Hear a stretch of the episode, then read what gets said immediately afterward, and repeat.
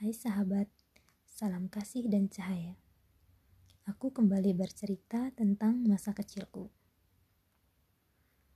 Suatu hari, ketika aku baru saja kembali dari gereja, aku melihat nenekku membeli begitu banyak kue. Aku memakan sebagian kue-kue itu. Sebagiannya lagi, kuniatkan untuk dibagikan kepada sahabatku Helen.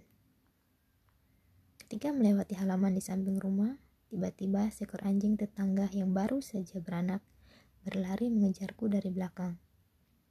Anjing ini rupanya mencium aroma kue dan tergoda untuk memakannya.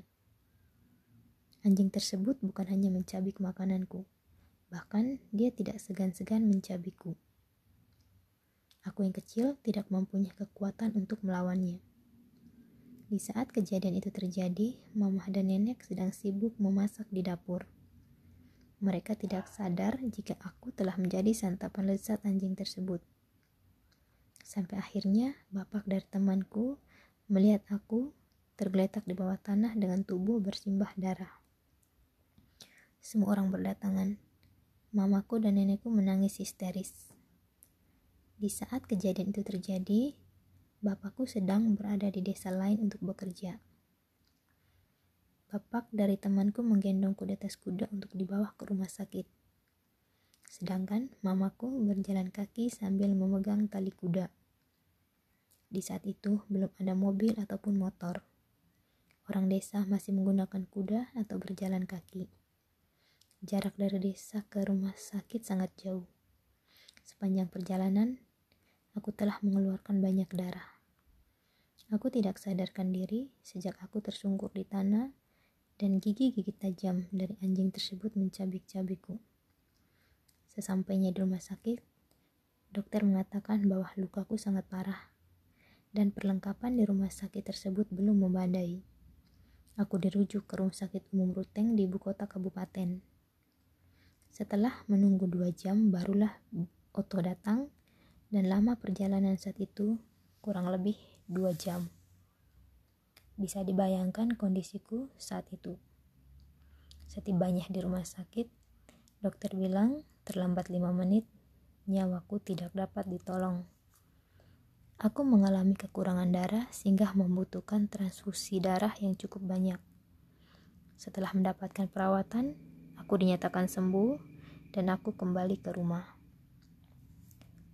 Tetangga yang merupakan pemilik anjing mengadakan syukuran di rumahnya sebagai bentuk rasa syukur dan juga rasa bersalah atas kejadian yang menimpaku.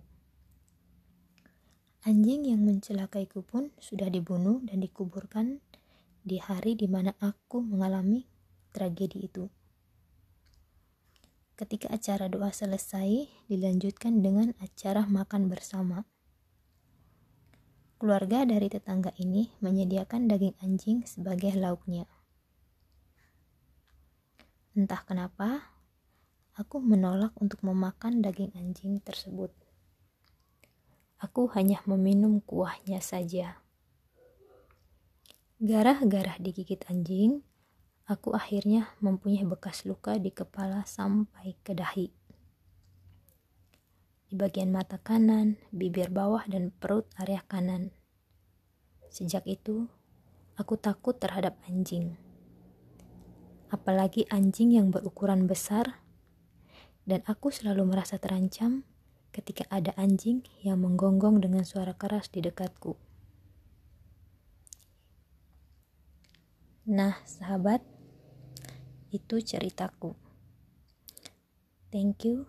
Namaste.